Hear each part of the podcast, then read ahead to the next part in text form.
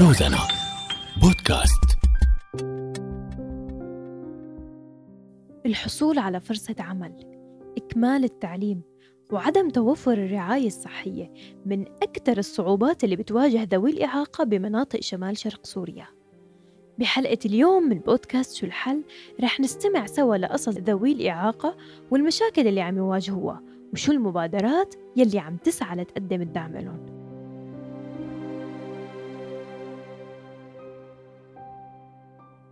الحصول على المستلزمات الطبية من أهم الحقوق لكن مع الأسف عم تكون مفقودة بالنسبة لهم أو أسعارها غالية ما بتتناسب مع دخلهم البسيط. أبو حازم من ذوي الاحتياجات الخاصة. آه، صراحة معاناة المعاقين آه، كخدمات طبية آه، ضعيفة جدا.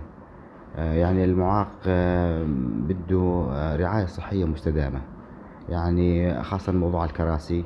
الكراسي عدم توفر الكراسي عدم قطع توفر قطع تبديل الكراسي. حتى دوالة مثلا أجهزة شلل الأطفال. حتى الآن ما بمنظمة اشتغلت بأجهزة شلل الأطفال بالنسبة للمعاقين حركيا. صارت كثير قصص معانا بالنسبة لصعوبة صعوبة الحياة بشكل عام بالنسبة لعدم توفر الأجهزة الطبية. يعني خاصة أجهزة تشغيل الأطفال يعني تكون أنت مثلا عندك عمل عندك شيء كسر عندك هذا ما تلاقي مثلا قطعة وتضطر تظل قاعد بالبيت نهار نهارين خمسة توفر القطعة هاي وتوفرها بشكل يعني تمشي حال يعني ما تكون نوعية جيدة. بصراحة أكثر شيء نعاني منه موضوع الكراسي موضوع أجهزة تشغيل الأطفال موضوع الأطراف الصناعية مادة السيليكون معاناة حقيقية للشباب وغلاء سعرها يعني يعاني من معاناة حقيقية منها. طبعا معاناة نتيجة الوضع المعيشي الصعب الذي يحتاجه يعني الأغلب يعني كان عنده عمل والعمل وقف يعني فظل قاعد بالبيت يعني فوضعه المعيشي كان صعب للغاية يعني. حتى إذا مضطر إنه يجري عملية صار الأمر عليه صعب وما بي حد مثلنا أو جمعية أو منظمة تتبنى موضوع عمليات آه، المعاقين.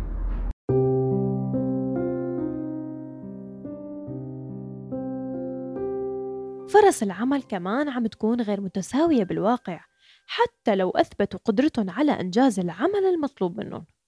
المعاناة معاناة التوظيف وهي عدم وجود قانون ملزم بالنسبة المحددة يعني أربعة خمسة بالمية ما بقانون ملزم لها. بالنسبة للتوظيف. هي معاناة أيضا حقيقية بالنسبة لذوي الاحتياجات الخاصة. طبعا بعض الوظائف كثير قدمنا على وظائف وكان آه، سبب الرفض أو شيء إنه من ذوي الاحتياجات الخاصة.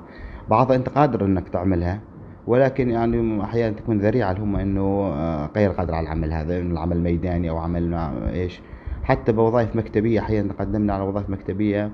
يعني يحسون إنه أنت صعب إنك تنجز العمل لأنك من ذوي الاحتياجات.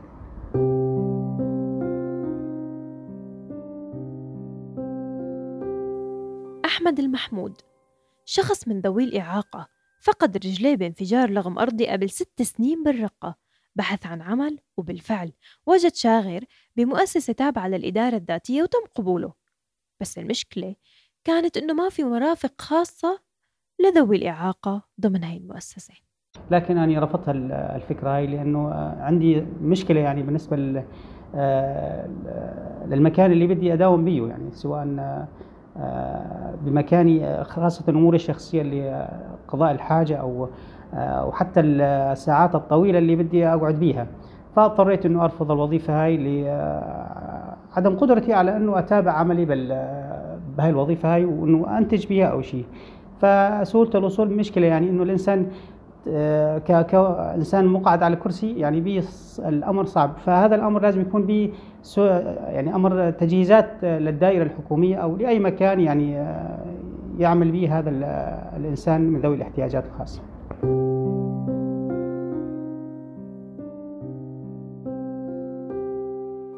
ضمن المدارس العامة ما في أي شكل من أشكال الدعم ليكملوا تعليمهم.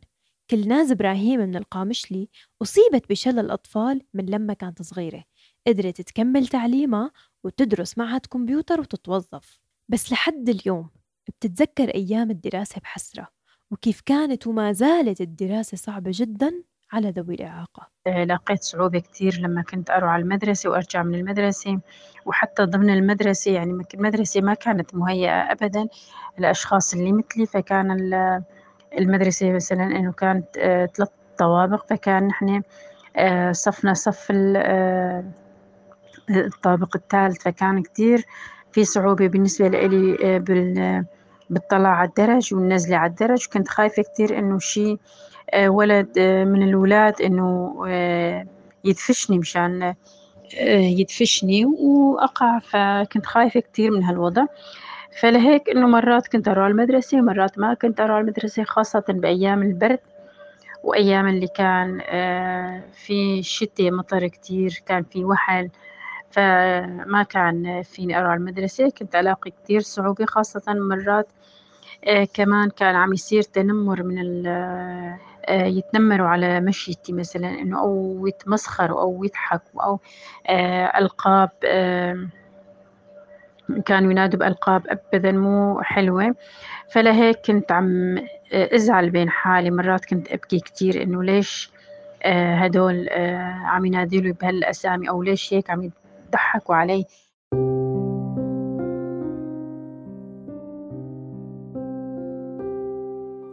الصورة النمطية لإلهم إنهم أشخاص مو قادرين على العمل أو التعلم وعدم ثقة ومساندة أهلهم إلهم ببعض الأحيان.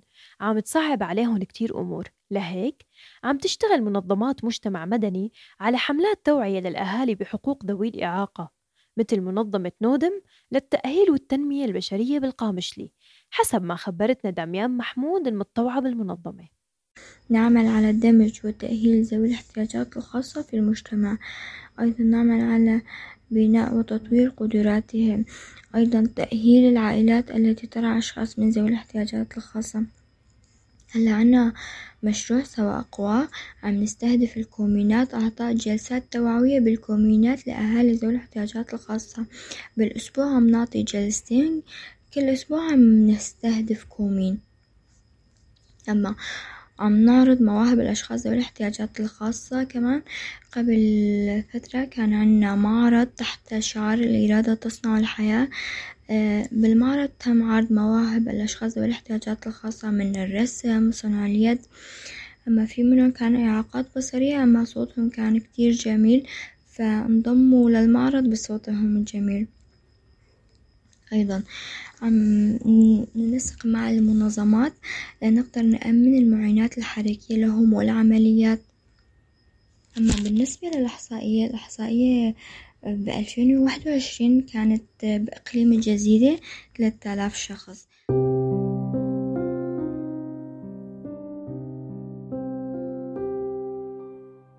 بعام 2021 بلشت نشاطات منظمة عكاز واللي تم تأسيسها من قبل أشخاص كمان من ذوي الإعاقة. ديما المحمود بتقول إنه مشاريع المنظمة بتتركز على دعمهم وتمكينهم بمدينتين الرقة والطبقة وأبرزها مشروع قدرات. استهدف المشروع فئة الشباب من ذوي الاحتياجات الخاصة ذكور وإناث بلشنا بداية أنشطتنا كانت جلسات حوارية مع أشخاص مفتاحيين مع آه، مع شخصيات لها وصول لذوي الاحتياجات الخاصة وأيضا مع أشخاص من ذوي الاحتياجات الخاصة. كانت آه، مخرجات الجلسة هي مجموعة تدريبات آه، تعطى لذوي الاحتياجات. فبلشنا معاهم برحلة بناء قدرات واللي كانت تتضمن تدريبات إدارة مشاريع ومتابعة وتقييم وتدريبات مالية ومحاسبة. وتم توظيف عشرة منهم بمنظمات المجتمع المدني لمدة شهرين. آه، أيضا من ضمن الأعمال اللي قامت بها منظمة عكاز آه، مبادرة بعنوان تعزيز المشاركة المجتمعية. اشتغلنا بها على مدرسة أبي جعفر المنصور بحي الأندلس. آه، تم تأهيل الحمامات بهاي المدرسة. تم تأهيل المداخل والمخارج إلى المدرسة بحيث أنها تصير تستقبل الأطفال ذوي الاحتياجات الخاصة. أيضا كان في طفلين من آه، من أبناء الحي ما كان ما كانوا يقدرون يروحون على المدرسة بسبب وضع المدرسة وأيضا كانوا هم بحاجة كراسي متحركة فايضا تم توزيع كراسي متحركة لهم.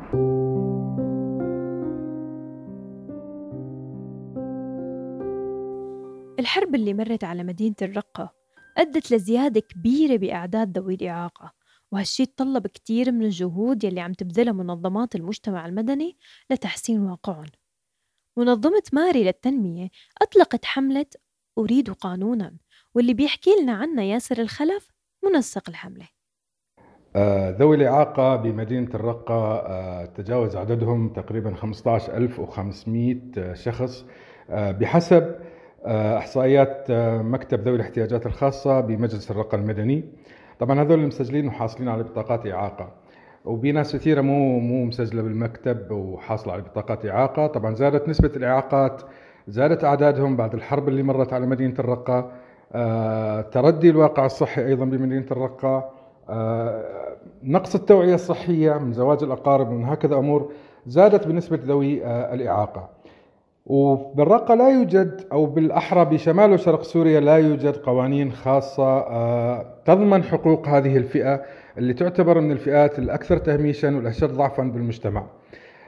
فارتأينا أنه نتدخل بهذا المجال ونعمل يعني حملة حشد أو مدافعة أو مناصرة عن هذه القضية لحتى نسن آه، أو نوجد ميثاق آه، محلي قانوني. آه، يضمن حقوق الأشخاص ذوي الإعاقة من حق الحصول على فرص العمل، حق الحق في التعليم، الحق في الحصول على الضمان الصحي إلى أن نصل إلى المشاركة في الحياة العامة والسياسية. طبعا إحنا كان في أنشطة الحملة بدأنا بها ب بداية الشهر الخامس كان في عندنا جلستين حواريات مع آه، منظمات مجتمع مدني مع ناشطين مع أشخاص ذوي إعاقة مع مهتمين عن الأمر مع لجان آه، المجلس المدني المختصة آه، بهذا المجال. مشكورين أيضا ساهمت معنا مكتب ذوي الاحتياجات الخاصة بهذا الأمر وساعدونا بكافة الاحتياجات اللي إحنا لازمينها اللي لازمتنا. طبعا جلستين كانت عن سياق القضية ومن ثم بعدها كان في عندنا زيارات للمنظمات المجتمع المدني بمدينة الرقة للحصول على تأييدها فحصلنا على تأييد تقريبا 30 منظمة ساهمت معنا بهاي الحملة مع عدد كبير من الحقوقيين والناشطين.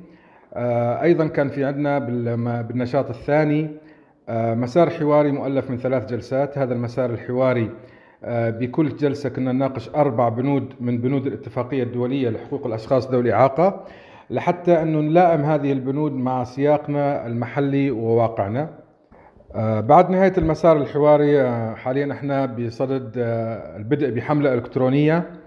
وبعدها بنهاية هذه الحملة راح يكون في عندنا جلسة موسعة مع جهات صاحبة القرار بالمجلس التشريعي لحتى نطرح عليهم الميثاق اللي إحنا خرجنا فيه من المسار الحواري المكون من 12 بند.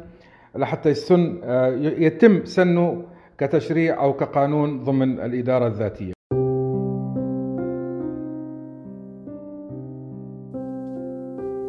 طبعا ياسر ناشط مدني من ذوي الإعاقة وهو صاحب فكرة الحملة والشيء المميز إنه أصحاب القضية نفسهم هن اللي عم يحاولوا يلاقوا حلول من خلال المجتمع المدني وهدفهم الوصول لقانون بيحفظ حقوقهم ويكونوا متساويين مع باقي أفراد المجتمع 28% من السوريين بالداخل هن من ذوي الإعاقة بحسب تقرير الأمم المتحدة وشملت الإحصائية نسبة الإعاقات الذهنية والنفسية واللي نجم معظمها عن الإصابة الجسدية أو نجت عن ظروف الحرب اللي عاشوها. والإحصائية الأقدم المتوفرة كمان نشرت بعام 2009 وبتقول إنه نسبة ذوي الإعاقة بلغت 10% من سكان سوريا وأرجعت هالشي لعدة عوامل كان منها وراثي.